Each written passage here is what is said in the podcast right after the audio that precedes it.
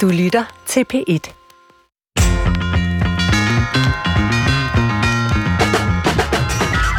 Hvad kan få dig til at råbe op? Noget, der er så forkert, at du ikke længere kan leve med ikke at gøre noget. For de fleste er det nok ikke klimaforandringerne.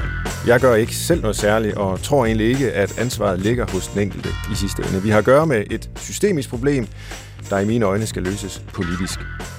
Men så tænker jeg alligevel samtidig på, om det bare er noget, jeg fortæller mig selv som en slags undskyldning for ikke at gøre mere. Selvom jeg spiser langt mindre kød end tidligere, så kunne jeg jo bare droppe det helt. Og selvom jeg flyver mindre end før, kunne jeg også bare droppe det helt. Under alle omstændigheder er det interessant, hvor vores grænse går. Hvad får os op af stolen? Hvornår er nok egentlig nok? Velkommen til Brinkmanns Brix om det, vi ikke gider at høre mere om, men som vi bare skal tage os af, nemlig klimaet. Vi laver jo programmer om alt muligt, og vi prøver også med klimaforandringerne i ny og næ, men øh, tilrettelægger her på Brinkmanns Brix, Christoffer Heide Højer, er det egentlig noget, vores lyttere gider at, at høre på? Folk gider ikke at høre om det. Oh. Ej, det er groft sagt. Det er groft sagt, men det er, det er ikke vores mest populære programmer, Nej. når vi sætter den dagsorden op. Og, øh, Så er det godt, vi ikke er det falsk for noget så øh, vulgært som popularitet. Vi, ja, ja, vi kører overhovedet ikke efter, hvad lytterne Nej. siger. Det er vores eget show, vi kører. Men øh, Svend, Ja. er, vi, er vi to dårlige til at snakke om det? Eller er det noget, du fornemmer, som er sådan lidt, ad, det er ikke så spændende at høre mere om. Vi ved det godt. Det er den dårlige samvittighed, der banker på. Jeg laver noget andet i stedet for. Ja, altså, det er jo svært at vide, hvorfor folk øh, lytter til det, de gør, og ikke lytter til det, de ikke gør. Øhm, men hvis jeg skal tale ud fra sådan min egen fornemmelse af den her diskussion, så, jamen, så handler det jo om, som du siger, at vi ved godt, hvad der skal til, og vi gør det ikke, fordi det handler om, at jeg skal ændre noget i mit liv, nogle vaner, øh, noget adfærd, som øh, jeg egentlig ikke har lyst til at ændre dybest set. Øh, og så, det gider jeg ikke rigtig at få at vide hele tiden, at jeg skal. Der er, no, der er nogen, der nogle gange siger, at øh, alle vil udviklingen, men ingen vil forandringen. Og det er måske lidt det, det, vi har med at gøre her.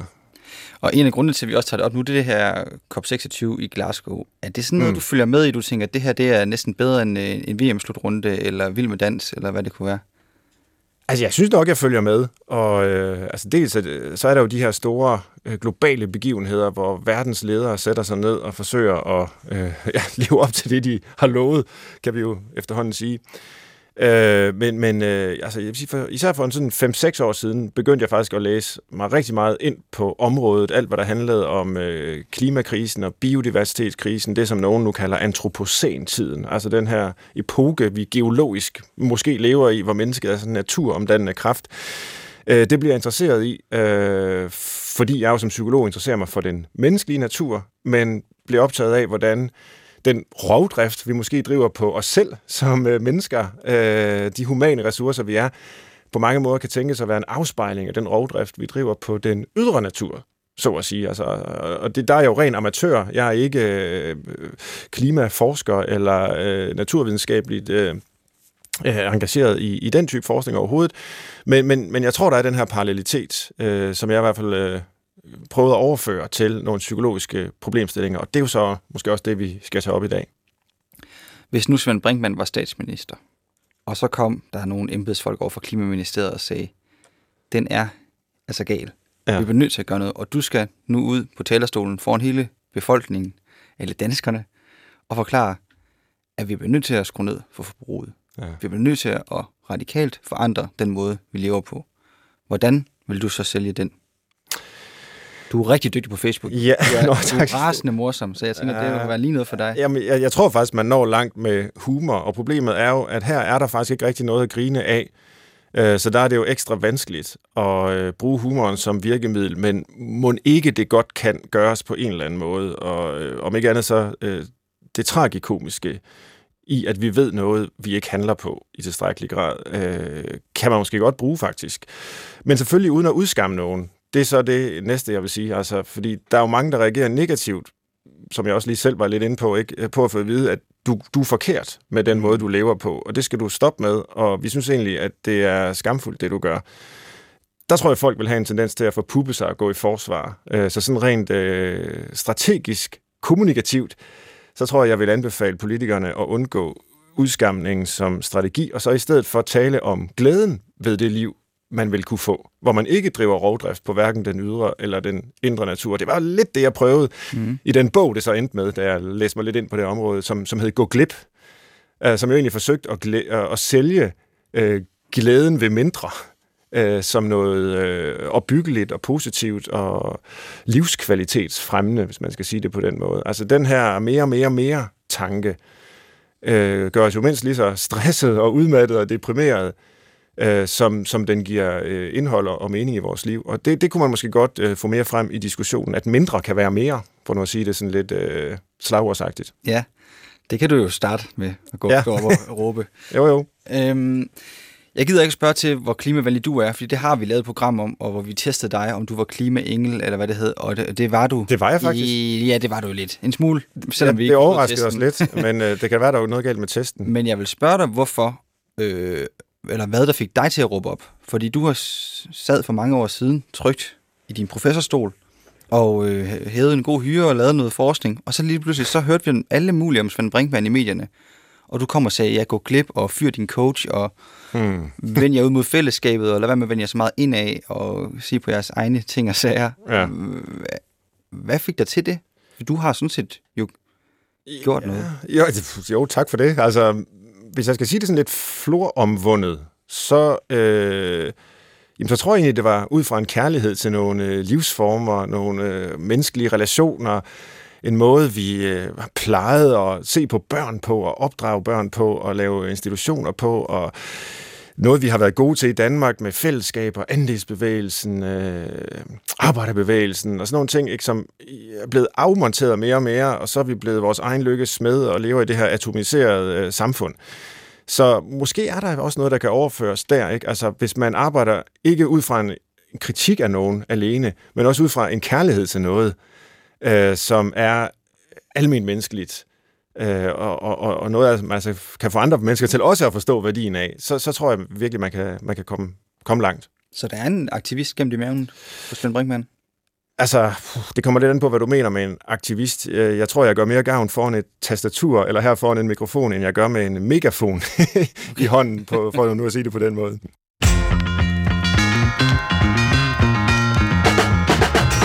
Velkommen til Brinkmanns Brix på P1, og øh, nu skal I altså lytte godt efter derude, fordi jeg har inviteret yderst kvalificerede gæster med i studiet i dag, og den ene er Jesper Tejlgaard, mangeårig værvært øh, her hos DR, og nu foredragsholder, forfatter og klimaformidler. Velkommen ja, til Jesper. Tak skal du have. Og også en meget varm velkomst til Esther Keldahl, som er forfatter, filosofistuderende og vaskeægte klimaaktivist. Dejligt, du er med, Esther. Jamen, jeg er glad for at være med.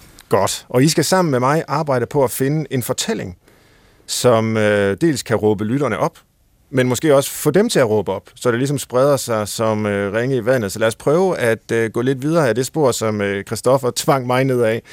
Øh, hvad kan få os op i stolen, og hvordan kan vi, øh, kan vi reagere øh, bedst muligt på alt det her? Så lad os prøve at begynde med at drømme.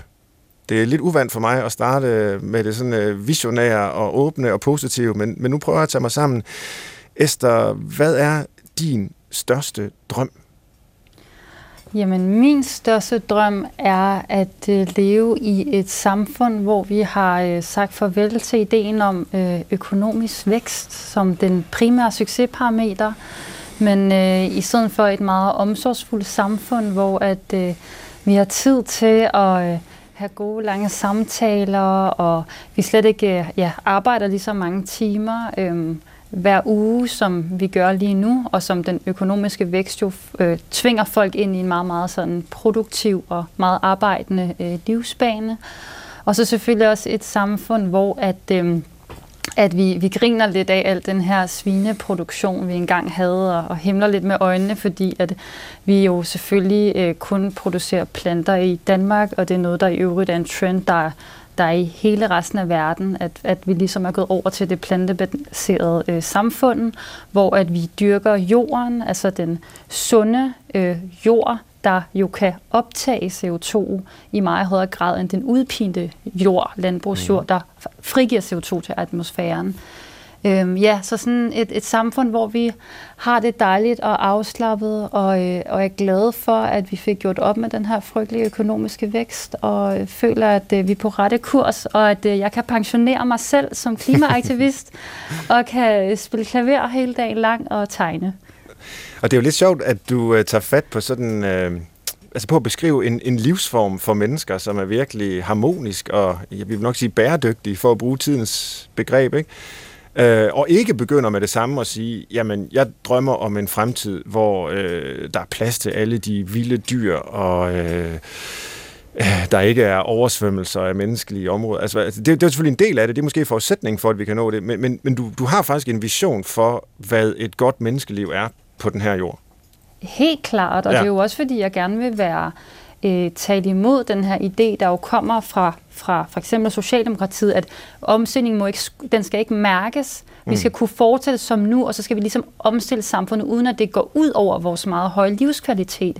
Men der mener jeg jo, og en hel masse andre folk, der har sat sig ind i det her, at vi kan få en meget, mere meget højere livskvalitet ved at skrue ned for tempoet. Og det i sig selv vil gøre, at vi ikke skulle producere lige så mange varer, og således ikke skulle drive lige så meget øh, rovdrift på ja, naturressourcer, øhm, at der netop kunne blive plads til vild natur, fordi vi var gået over til plantebaseret diæt, så det hele vil jo være sådan en, en stor følgevirkning øh, af dejlige konsekvenser. Jesper Tejlgaard, ligner din øh, drøm Esters? Ja, hvis jeg var i øh, hendes alder, så var det nok noget, noget der det samme. Øh, men jeg er jo øh, lidt ældre, om jeg så må sige. Øh, men jeg kigger jo meget øh, på mine børn og børnebørn og, og ser, hvad er det for en fremtid, de, øh, de står overfor. Og det er da klart, at øh, mine visioner og grunden til, at jeg øh, er glad for det, jeg gør øh, med det her, øh, det er jo, at, øh, at jeg ser jo gerne, at klimaet bliver stabiliseret.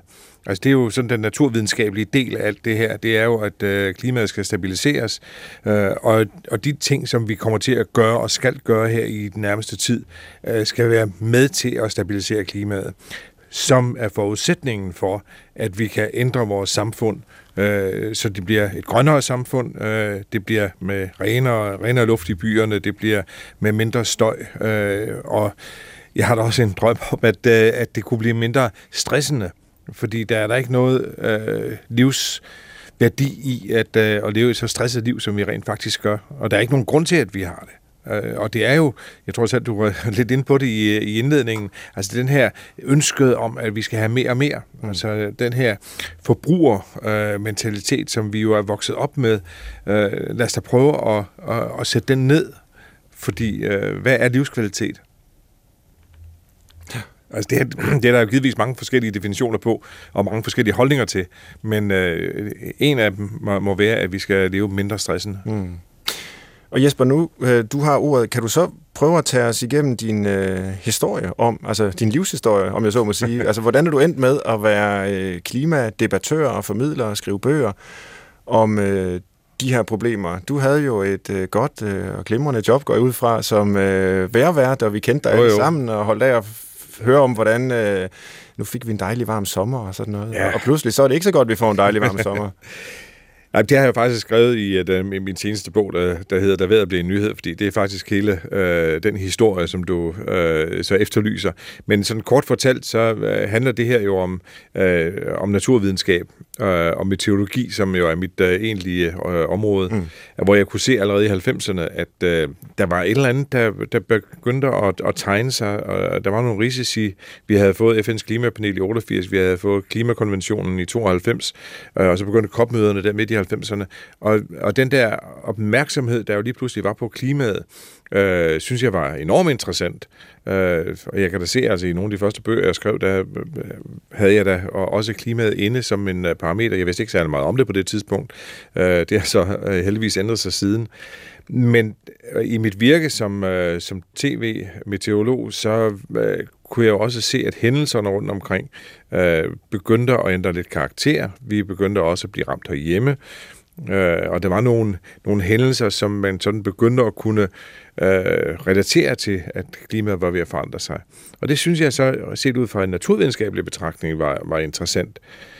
Og da man så sideløbende kunne se, at øh, det her havde nogle enorme konsekvenser, altså hvis vi bare kørte ud af den her tangent, som, øh, som klimaet forandringerne jo rent faktisk er, hvis vi ikke gør noget, så har det jo potentielt nogle vanvittige risici.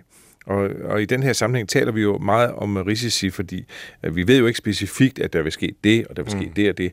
Men risikoen for, at det her sker, og det, og det bliver værre, øh, den er der.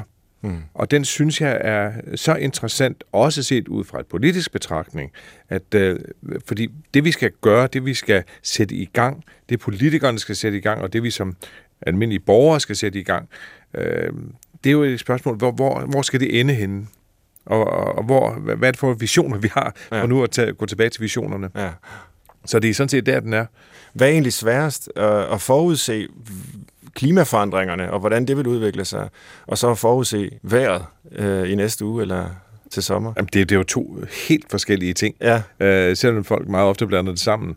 Øh, Jeg altså, hørt nogen, der sammenlignede øh, vejr og klima med det, at man varmer en øh, gryde op med vand i, og klimaforandringerne, jamen det er, at det stille og roligt bliver varmere og varmere. Og vejret, det er så der, hvor det bobler op. Ikke? Og det kan vi ikke ja. præcis forudse, eller hvornår og hvorledes, men vi ved, det vil boble, mm. og der vil komme flere og flere bobler, i takt med, at det bliver varmere og varmere, det her vand. Ikke? Altså, men det er en meget fin analogi, øh, altså fordi vejret i sig selv er kaotisk. Ja. Øh, men det vi jo taler om, det er, i klima, når klimaet bliver varmere, så er der en stor risiko for, at øh, nogle af de vejrsystemer, som øh, vi arbejder med, at øh, de begynder at eskalere og blive, øh, de, de får meget mere energi til rådighed.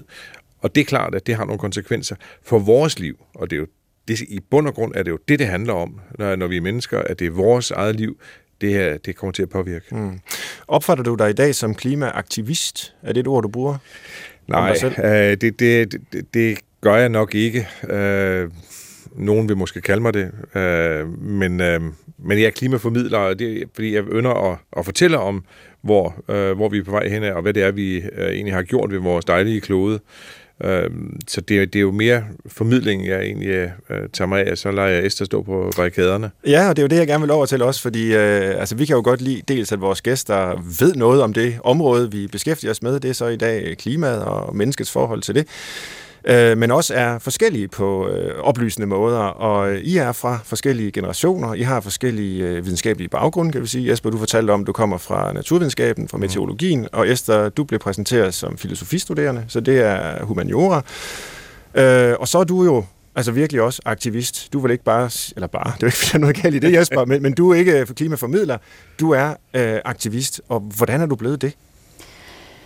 Jamen, altså det er egentlig øh, blevet, fordi at jeg fandt ud af, at øh, jeg absolut ikke var den eneste øh, unge person i, i, i foråret 2018, der var skide bekymret for øh, den her klimakrise, og så fik en kæmpe klump i maven hver gang jeg læste om det, om det så var på DR.dk eller andre nyhedsmedier, at, eller dengang jeg også var på Facebook, der var mange øh, videoer med isflager, der flød rundt steder, hvor der ikke skulle flyde en isflage, og Altså den der sådan sindssygt store ubehag, jeg følte, da jeg blev konfronteret med, hvor slemt det stod til, stod til og hvor meget den her øh, krise eskalerer, øh, og hvor lidt der bliver gjort, da jeg fandt ud af, at jeg absolut ikke er den eneste, der har det på den måde, og fandt frem til de andre mennesker på min egen alder, der også havde det ligesom mig, så øhm, blev jeg for det første øhm, styrket i min øhm, oplevelse af, at der var et eller andet helt forfærdeligt, der var ved at ske,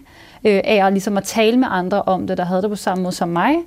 Og så fandt vi jo også lige så stille roligt ud af, at, at den der fortælling, som du, øh, Svend Brinkmann, i begyndelsen snakker om, at du ved, at du skal flyve lidt mindre, du skal spise lidt mere kød, og vi skal lave om på vores liv. Det var en fortælling, vi alle sammen er blevet opfostret, opfostret med, mm. at det er det bedste, vi kan gøre som enkeltpersoner. Det er og forurene mindre. Men det, den fortælling fixerer hele ansvaret for klimakrisen på forbrugernes skuldre. Mm. Men sandheden er, at klimakrisen er en samfundskrise. Det er et samfundsskabt problem, så hvis vi nogensinde skal øh, have chancen for at leve klimavenligt hver især, så er vi jo nødt til at ændre hele vores klimabelastende samfund og gøre det klimavenligt. For det kan jo heller ikke være rigtigt, at alle mulige almindelige mennesker skal stå og føle, at alle de valg, de tager, de er forkert, og de ikke gør det godt nok, fordi de er fanget i et klimabelastende samfund. Så i stedet for sådan at vrinde vreden indad mod mig selv, og at vi helt vildt mange, der i rigtig mange år, har gået og følt os utilstrækkelige, så i virkeligheden vende vreden ud mod de øh, magtfulde mennesker, der har haft al mulig information om det her problem, og ikke har handlet på det, men som kan handle på det, fordi der er en masse løsninger, man kunne indføre, men som ikke bliver indført. Mm. Så det er sådan meget den der øh, at, at vende vreden faktisk, plus at blive øh, bekræftet i, at når jeg føler, at der er noget galt, så er det fandme, fordi der er noget om det, og det er ikke noget, jeg vil skamme mig over længere, øh, fordi jeg skal føle mig som en anden sådan nederen øh, killjoy, øh, øh, hippie, øh, I ved alt det der. Stemning, det der nej, ja. lige præcis. I virkeligheden skal jeg være mega stolt af det, mm. og tænke, at jeg er sammen med en hel masse andre mennesker. Vi er sammen om det her. Tror du, det er tilfældigt, at du, det kan det jo må, måske være, men, men hvad tror du selv, altså at du har en baggrund i, i filosofien og er i gang med at uddanne dig til det? Kunne det lige så godt have været alt muligt andet, eller er der et eller andet i filosofien og den måde at tænke om tilværelsen på, der har skubbet dig i den her retning, tror du? Altså jeg vil sige, at øh, som filosofistuderende, nu har jeg også en master i filosofi øh, fra London School of Economics, som også øh, er meget sådan samfundsorienteret, så den, ja. man analyserer ligesom alle mulige samfundsproblemer. Og der handler det i den ligesom, tradition, jeg har øh, uddannet mig i, meget det der med ligesom at zoome ud, eller zoome fuldstændig ind i et problem. Altså virkelig sådan, hvad er det egentlig kernen af her? eller se det fra det helt store perspektiv.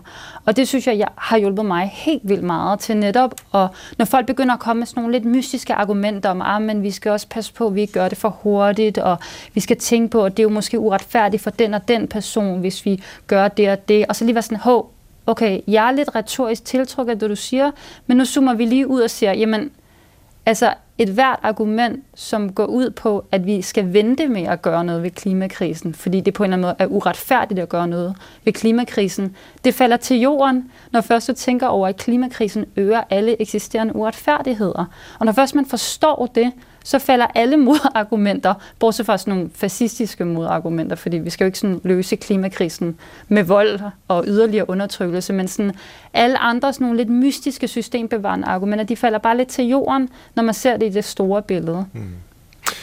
Jesper, hvad har du oplevet sådan, øh, fordi det er også noget af det, jeg er lidt interesseret i i dagens program, altså det med at blive aktiv, om det så er som formidler eller aktivist på det her område, og Øh, hvad ligger der i det øh, som livsmulighed simpelthen? Og hvad har du oplevet der, da du tog springet fra at være ja, værformidler, kan man sige, til at blive klimaformidler, og træde ud af den her neutralt beskrivende rolle, man har som meteorolog på, på, i fjernsynet, og til at blive en, der ikke bare øh, beskriver, men jo også har en holdning til, at der bør gøres noget, fordi tingene er, som de er?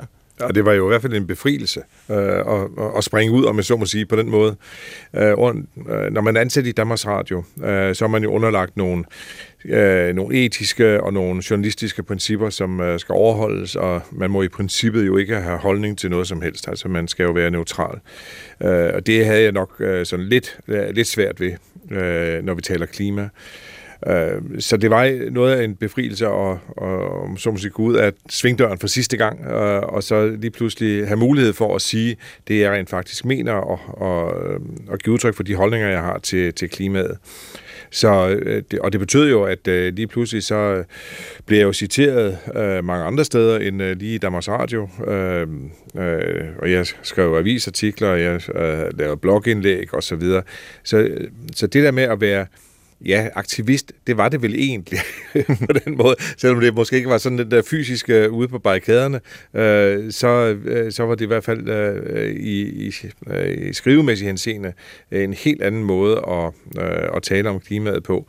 Og, og det var da en, øh, en befrielse og en forløsning, som, øh, øh som jeg på ingen måde har fortrudt, øh, fordi den der behagelige... Øh, øh, ansættelse, jeg havde i Danmarks Radio, var der, øh, det var da rart. Der kom en løncheck hver, hver måned, og man skulle ikke gøre så meget andet end passe sit arbejde, og, og så i øvrigt have fri, og det var øh, så rart. Men, øh, men det var også lidt utilfredsstillende et eller andet sted. Mm. Øh, når man nu får en viden, øh, og det, jeg tror også, det er det, Esther hun, øh, ligesom henviser til, altså når, øh, når man bliver opmærksom på noget, man bliver opmærksom på en, øh, Øh, ja, en uretfærdighed, og min uretfærdighed, som jeg tænker det, det er jo øh, over for naturen, fordi mennesket har jo tiltaget sig den her øh, overmagt over naturen. Altså vi har jo en tro på, at vi kan styre det hele, lige indtil naturen den så begynder at reagere. Øh, og det er jo et interessant, øh, et interessant dilemma, øh, øh, måske også et filosofisk, at, at, øh, at vi må opfatte naturen som en, en ligeværdig partner, som øh, jo reagerer. Når vi gør noget, så reagerer naturen. Øh, så vi, og vi kan jo ikke bare sige, at øh, jorden har uanede mængder af ressourcer, for eksempel. Det har vi haft sådan en tro på, jamen altså, der er jo masser af ting, vi kan hente op af jorden, så vi kan bare forbruge.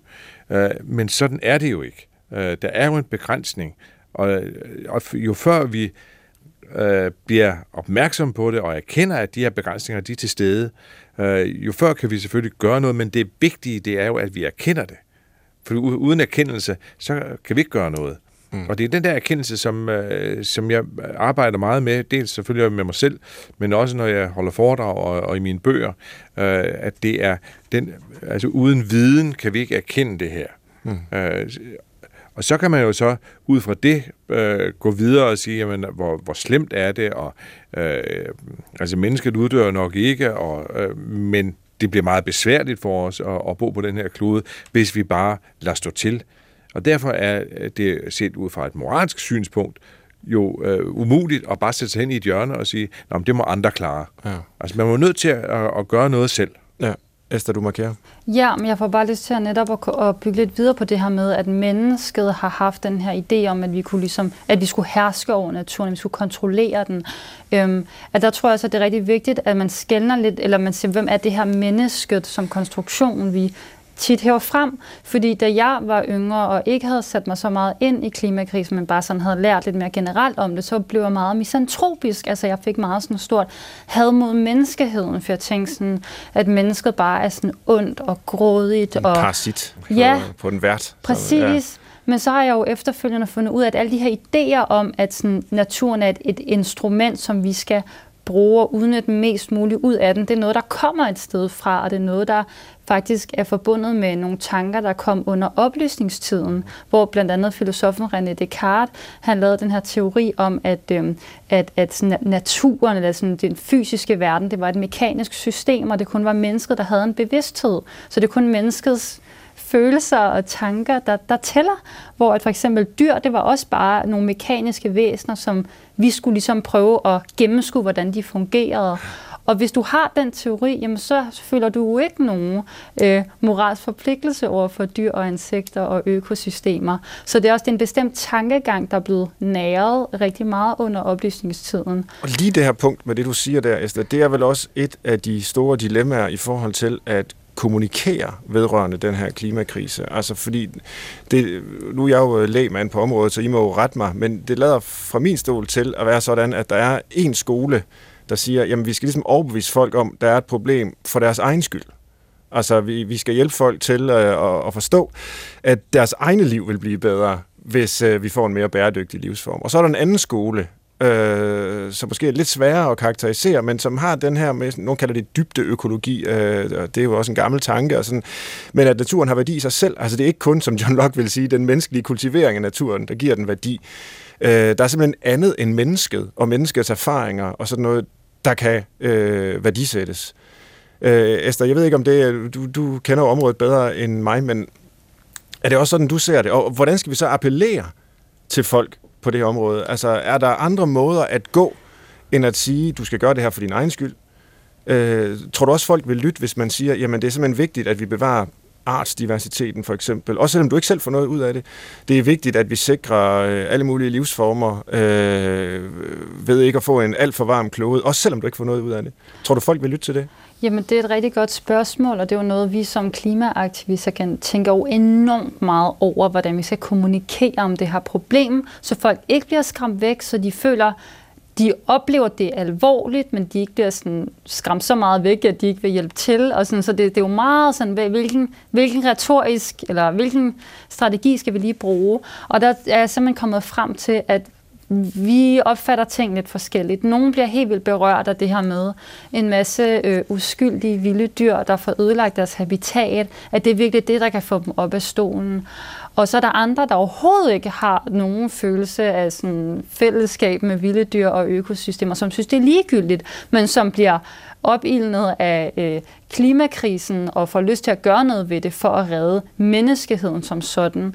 Og så er der jo også nogen, som har den her meget mere sådan uretfærdigheds øh, til det, at, at der også er en ekstremt meget undertrykkelse mennesker imellem, der finder sted i klimakrisen, og det ligesom er derfor, vi skal øh, gøre noget ved den. Mm. Så ja, det, det er pluralistisk. Skal, ja, ja, operere på flere niveauer på en ja. gang. Og, og der sker vel også trods alt noget, ikke? Altså statsministeren taler øh, vidt og bredt om klima, der er lavet en klimalov herhjemme. Øh, landbruget skal jo så også der i gang øh, med et bredt flertal i Folketinget, der var enige om det. Er der egentlig, Jesper Tejlgaard, nogen, øh, bortset fra nogle altså, små marginale grupper rundt omkring, er der så nogen, der er uenige i, at vi har et kæmpe problem, som vi skal til at handle på? Nej, de siger i hvert fald, at øh, de er enige om, at der er et problem. Ja. Øh, jeg har nok en øh, fornemmelse af, at det er mere eller mindre påtvunget hos nogen i hvert fald. Øh, fordi øh, det gik op for partierne der til, til valget i 19, at øh, der var et krav fra, øh, fra vælgerne om at øh, tage klimaet alvorligt. Og derfor fik vi klimaloven. Men, øh, men jeg kan da erindre øh, nogle debatter, jeg har været deltaget i, at øh, det stak ikke så dybt hos nogen Øh, så, øh, så det var mere eller mindre påtvunget, men, men jeg synes, det er interessant, altså når, hvis jeg lige skal vende tilbage til det, Esther øh, sagde mm. i mhm. forbindelse med, med formidlingen, øh, fordi det, øh, man kan godt tage den der meget filosofiske, som jeg også synes er dybt interessant, øh, jeg bruger nogle gange citater fra en bog, der hedder Havbrevene, som er øh, sådan Atlanterhavet og Middelhavet, der skriver til hinanden. Mm. Øh, og det er, jo, det er jo dybt interessant at, at se det fra den vinkel.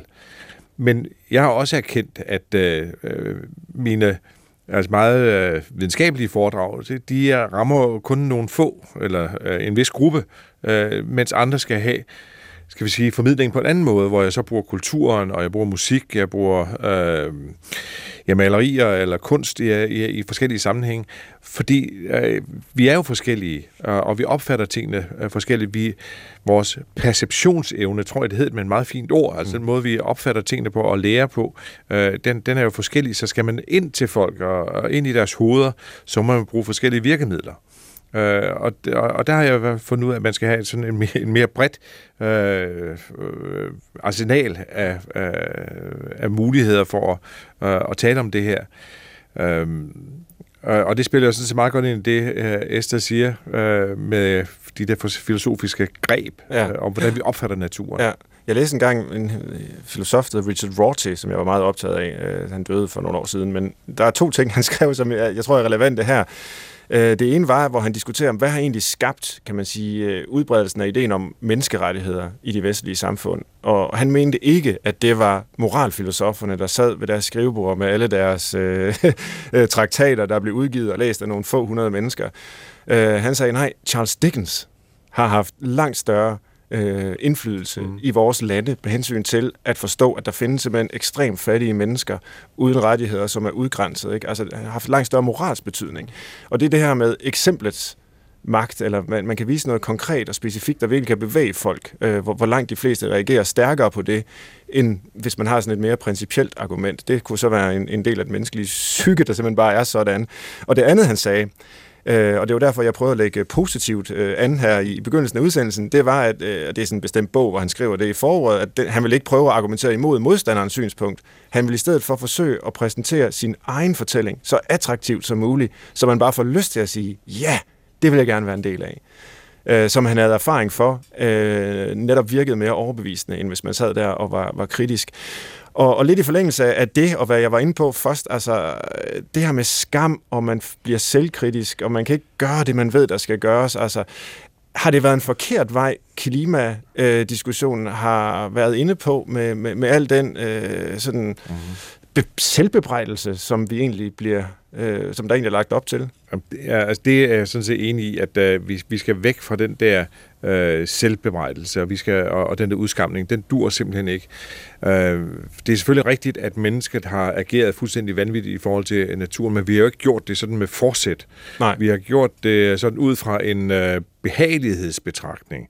Altså, at øh, jamen, livet er jo dejligt, og siden 2. verdenskrig har vi jo fået en fantastisk økonomisk vækst, og vi har, vi har fået så mange teknologiske øh, øh, opfindelser, at livet er blevet så utroligt behageligt og nemt, at vi har stort set glemt at være mennesker. Øh, vi glemmer jo at tænke efterhånden, vi skal jo ikke gå på rådhuset, vi øh, Øh, har internettet, vi, øh, vi kan blive hjemme i vores lænestol for en sags skyld, øh, og så, om så må sige, leve vores liv.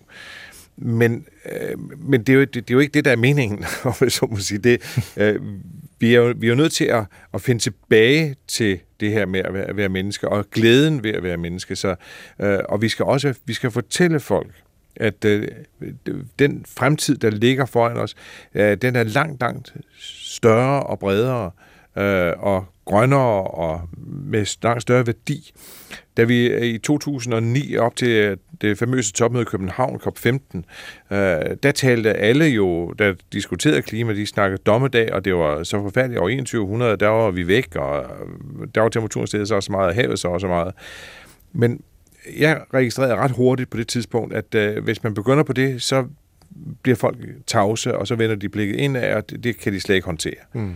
Så folk skal have håb, de skal have følelser med, at de skal have vide, at det, jamen, vi er sådan set på vej hen imod et bedre sted.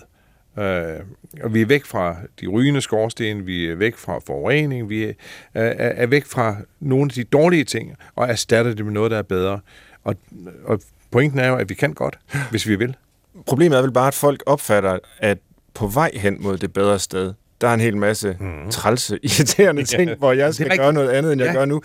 Og, øh, og Esther, du sagde selv det her med, øh, og som jeg også nævnte indledningsvis, at øh, det her det er et samfundsproblem, det er en samfundskrise, den skal ikke privatiseres, individualiseres, gøres til den enkeltes øh, problem. Men jeg nævnte også, at jeg nogle gange er i tvivl om, hvorvidt jeg bare går og gentager det for mig selv som et mantra, som en undskyldning for, at jeg egentlig ikke gør mere.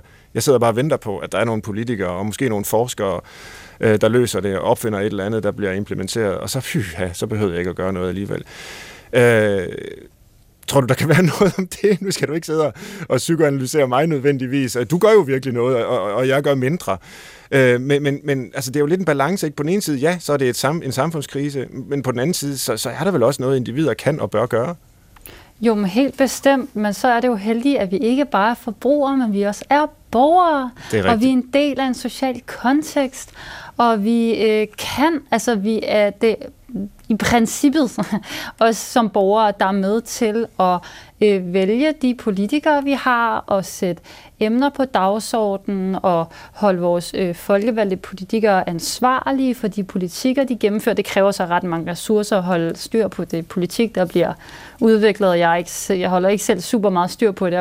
Jeg læser det bare nogle gange, øh, så bliver det svært lidt ked af det. Men, øh, men men så sådan, og jeg tror virkelig for at komme tilbage til også den her med skammen og selvbebrejdelsen og den her forbrugerfixering af klimaansvar, der har fyldt så meget, den har pacificeret os. Fordi det bliver bare det der sådan, jeg skal slette mit eget aftryk på verden, og det bliver simpelthen det vigtigste, jeg kan gøre, i stedet for at prøve at ændre de strukturer, der holder os fast. Mm. Øh, men det kan man ikke alene. Du kan ikke ændre et struktur i samfundet alene, fordi det er så vanvittigt massivt et, øh, et arbejde, der ligger foran en. Det kan du kun, når du går sammen med andre i fællesskab og kræver forandringer i fællesskab. Og det er også historisk set den måde, der er kommet sociale samfundsforandringer, det er, når folket er gået på gaden og krævet det i fællesskab. Mm. Så det nytter ikke noget at bebrejde sig selv og skamme sig selv over, at man ligesom hele tiden falder, falder for fristelsen af alle de her dejlige, dejlige varer og ydelser, man kan indulge i i samfundet, som man ellers havde fået at vide ikke var så godt. Mm. Vi skal i stedet for være vrede over, sådan, hvorfor er det egentlig alle de her varer og ydelser og meget sådan klimabelastende aktiviteter, sådan, at der stadig bliver reklameret for dem, for eksempel. Hvorfor bliver der stadig reklameret for billige øh, flyrejser, smuttur til Bali og fly her og fly der, og hvorfor bliver der siddet reklameret for kød? Det virker jo virkelig underligt, når vi samtidig, når de så samtidig forbruger fikserer klimaansvar og siger, vi skal selv træffe de rigtige valg på forbrugere, så ser du sådan en reklame, der fortæller dig det helt modsatte. Altså det, det i sig selv er jo helt mærkeligt, mm. og det er jo der, du skal tage udgangspunkt sådan, hmm, hvem er det egentlig, der ejer vores offentlige rum? Øhm, hvem har egentlig ansvar for, hvilke fortællinger vi bliver fodret med om det gode liv, apropos, fordi det er jo også meget den her, vi lærer jo også, at det gode liv er et liv, hvor vi tjener mange penge, og bor i et stort hus, kan rejse meget, så vi er nogle meget dannede mennesker, og har en fed garderobe, så vi udstråler originalitet og kvalitetsbevidsthed, og alle de her ting, men desværre er utrolig mange af de øh, ting, der hører til det gode liv, det, det er bare ikke super kompatibelt med det klimavenlige liv. Så øh, en klimaaktivistisk handling behøver jo ikke kun at være at stå på barrikaderne med en megafon i hånden. Det kan jo også være at prøve at skabe nye fortællinger om det gode liv, og ja, lave en kampagne mod reklamer, øh, reklameindustrien, eller hvad en ved reklame jeg. mod reklamer. Men det, det er jo interessant nok, fordi øh, vi har jo oplevet det her før. Altså i mindre målstok måske nok, men uh, tobaksindustrien, mm. uh, hele uh, rygeproblematikken, den blev jo Øh, tidligere, der var det jo, øh, at man skulle ryge, og det var smart at ryge, osv. Og så lige pludselig, øh, så fandt man så ud, at det var nok ikke så smart alligevel. Og så kom der en anden fortælling, øh, som jo lige pludselig, eller ikke pludselig, det tog nogle år, men øh, det ændrede jo i hvert fald vores øh, måde at være sammen på, at lige pludselig, så skulle man altså udenfor at ryge, og det blev forbudt at ryge. Og på den måde, så ændrede vi jo sådan set også den måde, vi var sammen på. Så det er jo altså muligt, øh, som Esther siger, at, øh, at skabe en ny fortælling. Og der tror jeg også, det er, det er rigtigt, at øh, vi, skal, øh, vi skal fortælle, altså, eller skabe den her nye fortælling om, hvordan lever man bæredygtigt, men på, på en god måde. Det skal ikke være den der, øh, og man skal nok ikke, måske ikke bruge bæredygtighed som, som, øh, som ord, fordi øh, der er nogen, som så står de af, og hvis vi skal leve klimavenligt, uha nej, altså, så bliver det øh, for, svært. Men vi skal finde på en anden måde at, øh, at fortælle det, det, det gode liv, Altså, hvad er det gode liv? Og øh, om man så skal referere til øh, vores øh, børn og børnebørn, og vi vil gerne gøre det godt for dem, øh, eller hvad det nu er, øh, det må vi jo så prøve at finde ud af. Men øh, øh det med at skabe fortællingen, det tror jeg er fuldstændig rigtigt.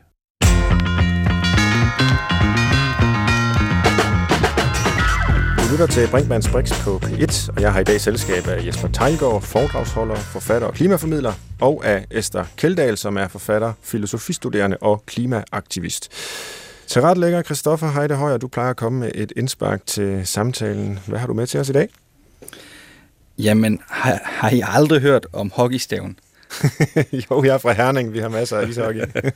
jeg tænker bare, øh, har vi ikke... Øh, hvad med tillid til ingeniørerne og alle de gode virksomheder, som kommer med løsningen? Og Elon Musk er godt i gang, og lige om lidt, så er det her et problem passé. Og øh, det gik egentlig... Der var nogle år, hvor vi snakkede om klima, men så glemte vi det igen. Kunne det ikke lige så godt være den fortælling, vi ender med om 100 år? Efter, du jo, det, vi glemte det, fordi vi styrer på det, eller hvad? Ja, ja, det var bare ja. sådan, i stedet for at grine af, at vi spiser grise, så kan vi grine af, at der var nogen, der snakkede om klima. Jesper? Jamen, det er, en, øh, det er jo en mærkelig diskussion. Fordi selvfølgelig ved vi godt, at øh, der kommer teknologiske løsninger, og, og de er under udvikling, og, og, og et eller andet kommer der til at ske. Problemet er bare, at øh, det vi jo skal gøre, altså hvis vi skal overholde de regelsæt og de beslutninger, vi sådan set har, har taget i prisaftalen, så skal vi jo reducere vores udledninger af drivhusgasser mest muligt nu. Øh, vi kan ikke vente. Det er jo øh, med de her reduktioner fuldstændig som at sætte penge i banken. Hvis det ellers var renter, positive renter, så ville vi jo få flere, mere ud af det, hvis vi satte pengene ind tidligt. Sådan er det også med de her reduktioner. Jo før du reducerer, jo mere får du ud af det. Øh, så hvis man gør, som øh, regeringen har tænkt sig, øh, nemlig at øh, vi gør en lille smule nu, og så venter vi på de der teknologiske løsninger, som måske kommer øh, i løbet af nogle år, øh, så udløber man jo en kæmpe risiko. For det første, det er jo ikke sikkert, at de kommer, og at de får den effekt, øh, og så undlader man jo også at reducere og få benefit af den reduktion, man har mulighed for allerede nu. Ja. Øh, og det er selvfølgelig ikke kun i Danmark, det er jo selvfølgelig globalt, man skal gøre det. Og derfor er det her kopmøde i Glasgow jo så sindssygt vigtigt. Det er måske det vigtigste kopmøde øh, i masser af år. Øh, I hvert fald ikke siden Paris øh, øh i, i 2015 har det været så vigtigt. Så, øh, så det handler øh, om at gå væk fra hockeystaven, og så se at få gjort noget ved det.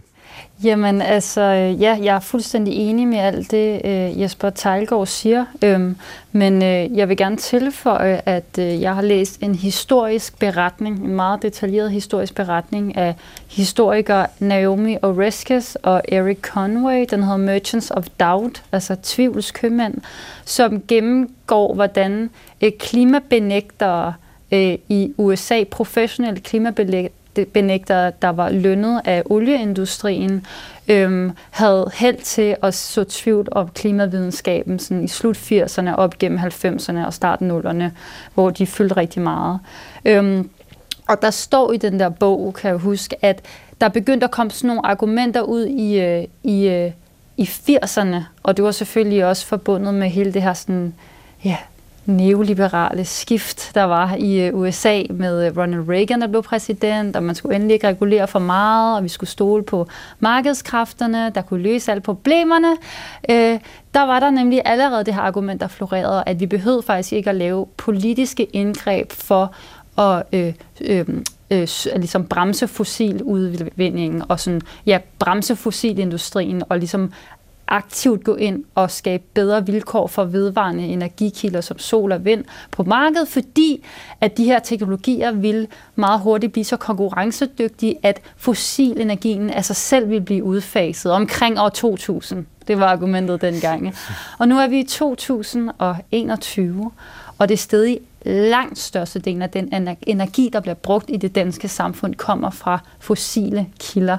Så der kommer et tidspunkt, hvor vi er nødt til at ændre den her ellers utrolig dejlige fortælling om, at, øh, at det løser sig med en teknologi. Puff, vi behøver ja, ikke at gøre noget. Jeg lige, at det var lidt nemmere jo. Ja, det ville jo være rigtig dejligt, men problemet er, at der stadig er nogle gigamagtfulde industrier, der er investeret i status quo. Hvis, ikke, hvis, ikke, hvis vi ændrer status quo, så mister de hele deres indkomstgrundlag. Så derfor vil de gøre alt for at bevare deres øh, ja, magt på markedet, så der er nødt til at komme politiske indgreb. Når jeg skal hjem i eftermiddag, nu har, nu har I, I har opbildet mig. Jeres fortælling øh, rammer, øh, og jeg tænker, fra nu af, så er mit liv. Jeg, jeg, nu tager jeg opgaven på mig, og jeg kræver forandring af både min øh, folkevalgte og du lyder også hjemme i, hjemme i køleskab, grøntsagsskuffen og alle steder øh, bliver det anderledes fra nu. Ja. Dieselbilen er solgt. Og så går der lige en uge, og så havde jeg lidt glemt det. Og så skete der noget andet, og det, så gik det ikke lige mere. Kan I ikke lige give mig sådan hver jeres bedste pep-talk til en, til en, der skal tage det her ansvar på sig? Vil du starte, Jesper? Ja, det vil jeg da gerne. Øh, Kristoffer, uh, du skal, du skal tænke dig selv som en del af, af et naturligt system, øh, og du skal passe på det, der omgiver dig, fordi hvis ikke du passer på det, så vil det reagere.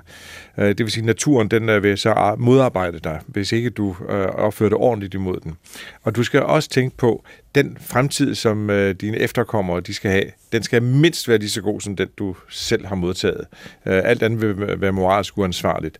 Øh, så du skal gøre det, der skal til for, at dine børn og børnebørn de øh, får et godt liv. Og derfor skal du rette dig ind efter de naturlige præmisser, som vi har været ligesom ret enige om her.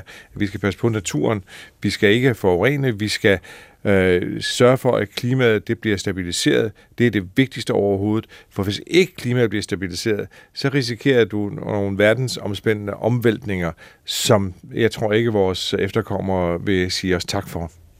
Yes. Allerede lidt mere begejstret. Esther? Jamen, Christoffer, jeg vil sådan set bare sige til dig, at øh, ligegyldigt hvor vi vender blikket hen, og hvor meget vi fortiger klimakrisen, så forsvinder den ikke, bare fordi vi ikke tænker på den. Den, den er kommet for at blive, og den eskalerer kun. Så det kommer til at kræve sådan virkelig meget kognitiv øh, energi for dig at prøve at ignorere den de kommende år. Det, altså, det, det bliver meget, meget energikrævende. Så jeg vil sige, det er meget federe at så egentlig rent faktisk acceptere klimakrisen er her, blive en del af et fællesskab, øh, som også måske kan mindre mindre om den, øh, og, øh, og, og sådan få nogle lidt mere konkrete handlemuligheder. Øh, det er en meget federe, meget mere meningsfuld måde at være til i den tid, vi befinder os lige, i lige nu, end at prøve at ignorere den. Altså, den tid er forbi. Hørte du efter, Svend? Det gjorde jeg. Jeg synes virkelig, I er gode. Jeg bliver også helt øh, opildnet. Og det er jo interessant, det, det der med, med, med Esters fællesskab, det kan ja. jeg rigtig godt lide. Du ja. nævnte selv, Svend, lige i begyndelsen af hele andelsbevægelsen, mm-hmm. der, som, øh, som kommer og løste nogle sociale problemer og nogle øh, samfundsproblemer, øh, fordi folk stod sammen. Og, og ved at stå sammen, så øh, kan vi altså løse mangt og meget. Ja. Meget nemmere.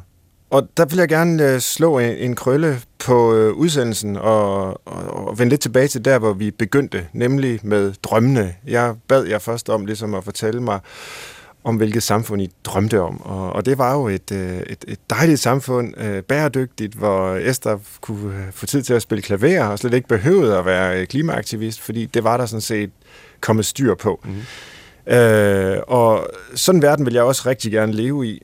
Øh, men hvis vi skal være utopiske på det her område, og, og ikke bare tale om, at det er en eller anden isoleret problematik, der skal løses med en reduktion af CO2-udledning, i og med, at den CO2-udledning hænger sammen med en hel samfundsopbygning, øh, en, en fossil livsform, mm. som skal ændres, jamen så bliver vi nødt til jo helt bredt at have folk med. Og der er folk jo bare forskellige. Der er nogen, der er venstreorienterede, der er nogen, der er borgerlige, der er nogen, der er midt imellem. De drømmer jo om forskellige ting.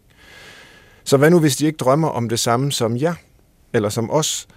Øh, hvordan taler vi så til dem? Er det overhovedet muligt, nu skal jeg prøve at formulere alt det her som et enkelt spørgsmål, det giver mening at prøve, at, prøve at svare på, er det muligt at øh, formulere en form for utopi eller drøm, som, øh, som alle er med på? Eller må man nødvendigvis ekskludere nogen, der vil stå og kigge på det her og sige, ej, men det der samfund ønsker jeg egentlig ikke at leve i? Hvad tror I? Altså, der er jo, ja. Esther, vil du? Jamen, altså ja, altså i forhold til det her med politisk overbevisning, mm. der kan man jo bare sige ligegyldigt, om du er kristendemokrat, liberal alliance, enhedslisten, venstre, socialdemokrat, altså ligegyldigt hvor du befinder dig på det politiske spektrum, så har vi alle sammen nogle, nogle idéer om det retfærdige samfund, som er det, der driver os til at at henholde os til, eller altså ligesom tilslutte os en eller anden bestemt ideologi eller et bestemt verdenssyn, som så øh, øh, er vores, ja, som er det, vi så stemmer på. Øh, men ligegyldigt, hvilken vision du har for det retfærdige samfund, så skal livsbetingelserne og rammen for det samfund jo være der. Og hvis øh, vores øh, simpelthen ramme for liv på den her planet smuldrer, så er der ikke noget, retfærdigt samfund, så er der ikke rigtig længere noget at kæmpe for. Mm. Så du tror på en måde, der er et sted, som er, er uden for det politiske, eller hvordan skal det forstås, eller hvor man i hvert fald kan mødes, uanset hvilken ideologi man bekender sig til, eller om man overhovedet bekender sig til en ideologi, så er der bare nogle rammebetingelser for liv, vi bliver nødt til at øh, drage omsorg for, uanset om vi er røde eller blå. Øh, ja, det er sådan set det, ja, jeg siger. Ja. Men jeg vil dog sige, at man kan ikke adskille klimakrisen. I og med, at det er en samfundskrise, mm. kan man ikke adskille den fra den politiske kontekst og fra de øh, reelle klimapolitikker, der er blevet ført gennem tiden af skiftende amerikanske præsidenter og danske statsministre. Øh, det kan vi ikke adskille fra, så vi er også nødt til at se klimakrisen gennem en politisk linse. Men det betyder ikke, at man skal, at man kun kan gå op i klimaet, hvis man er venstreorienteret. Og så hvis man er borgerlig, så kan man ikke gå op i klimaet. Det er jo sådan, det lidt har været en gang. Men mm. det, er jo, det giver simpelthen ikke nogen mening. Altså. Nej. Jamen, det, er jo, altså, det er jo rigtigt, at uh, klimakrisen og, og løsningen på klimaproblemet er det, vi kunne kalde tværpolitisk. Det er noget, som alle egentlig retfærdigvis, og hvis man har ansvarlighed i sin politik, så skal man håndtere det her på den, på den rigtige måde, på den videnskabelige måde videnskaben ved jo godt, hvad det her det handler om, og, og det handler jo i, den, i bund og grund om at reducere udledningen af de her drivhusgasser. Det er der problemet det ligger, og så er det rigtigt, at så er, kræver det nogle samfundsting, som politikerne så kan øh, sætte ind overfor. Vi skal selvfølgelig som vælgere, som, øh, som borgere, skal vi jo understøtte den forandring. Og, og der er det min tro, og det er selvfølgelig øh, øh nok et trospørgsmål, men jeg tror altså, viden øh, Øh, betyder noget. Så det, at, øh, at vi går ud og fortæller om det her, øh, formidler den problemstillingen over for flest mulige mennesker, så får vi også flest mulige mennesker med på, på den her vogn.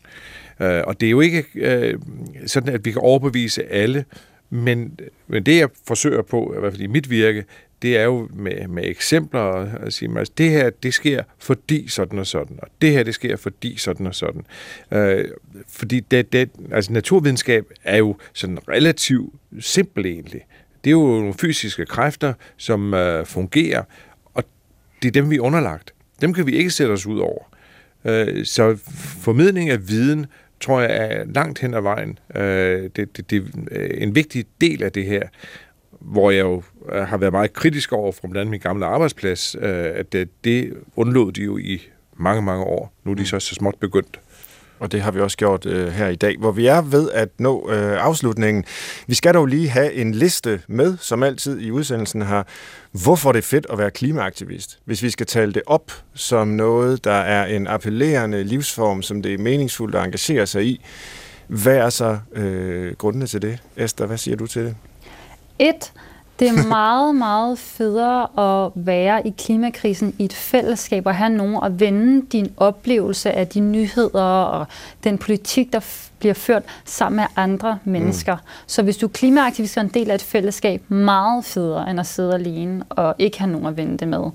Nummer to, det at være klimaaktivist på den måde, vi blandt andet er i den grønne studenterbevægelse og mange andre øh, bevægelser, hvor vi arbejder for strukturelle forandringer og ligesom bruger det, at vi er borgere til at ændre verden og ændre samfundet, det er faktisk også et erkendelsesrejse. Man lærer helt vildt meget om, hvordan samfundet er bygget op, og de dagsordner, der er, og historien bag forskellige aftaler, og hvorfor vi er ind, som vi er nu. Det er meget, meget sådan lærerigt emne. Så sådan, hvis man er sådan samfundsagtig nørd eller historienørd, så er der bare virkelig meget gods i det her.